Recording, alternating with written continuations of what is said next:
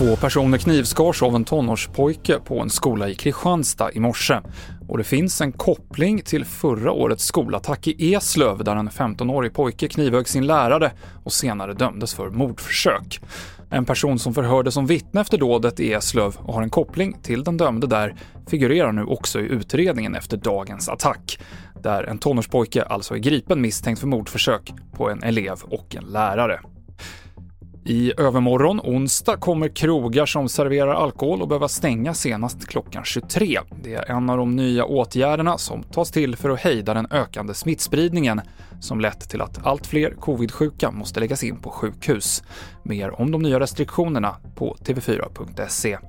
Och omstarten av kärnkraftsreaktorn Ringhals 3 kommer dröja ytterligare efter snabbstoppet i torsdags. Ny starttid är klockan 23.29 imorgon kväll. Enligt Vattenfall är det ett teknikfel som inte ska påverka säkerheten som har orsakat den här förseningen. Senaste nytt finns i appen TV4 Nyheterna. I studion idag Mikael Klintevall.